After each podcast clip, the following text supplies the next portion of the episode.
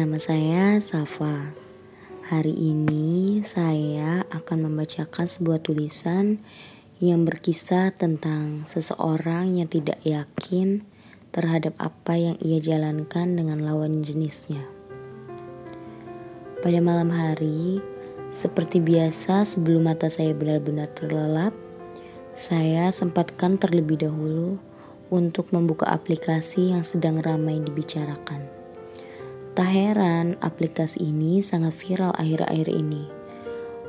Karena konten yang disajikan begitu lengkap. Entah masak-memasak, komedi, ataupun dance.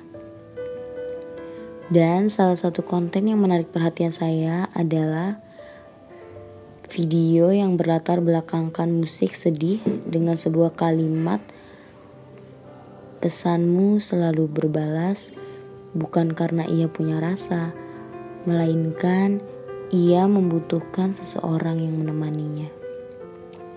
Lantas, saya berpikir, apakah benar saya hanya sebatas itu? Pada kenyataannya, ketika saya hendak mengajak ia untuk bertemu, selalu saja ia memberi alasan yang bisa saya terima. Memang beberapa kali pada saat waktu senggang di malam hari, kita memutuskan untuk saling bertukar suara. Hanya suara yang bertukar. Ia senang dengan ceritanya, dan saya hanya memberi sebuah tanggapan tanpa ada kesempatan untuk bercerita.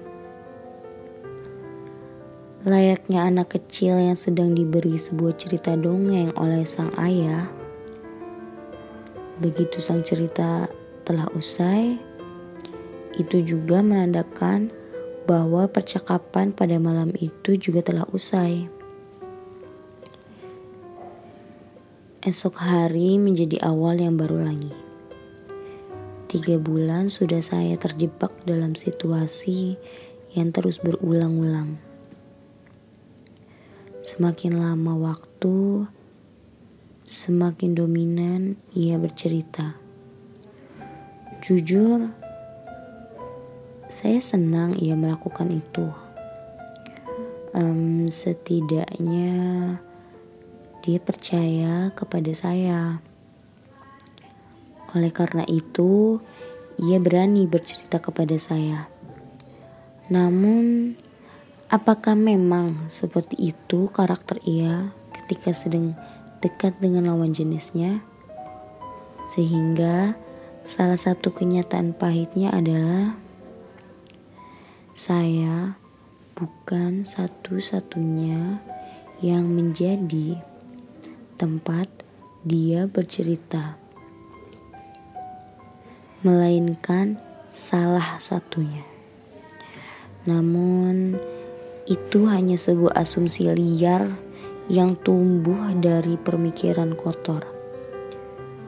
Yang harus saya lakukan sekarang sebenarnya hanya menjadi telinga yang berharap ditumbuhkan menjadi manusia selayaknya, atau menjadi tuli dan dilupakan.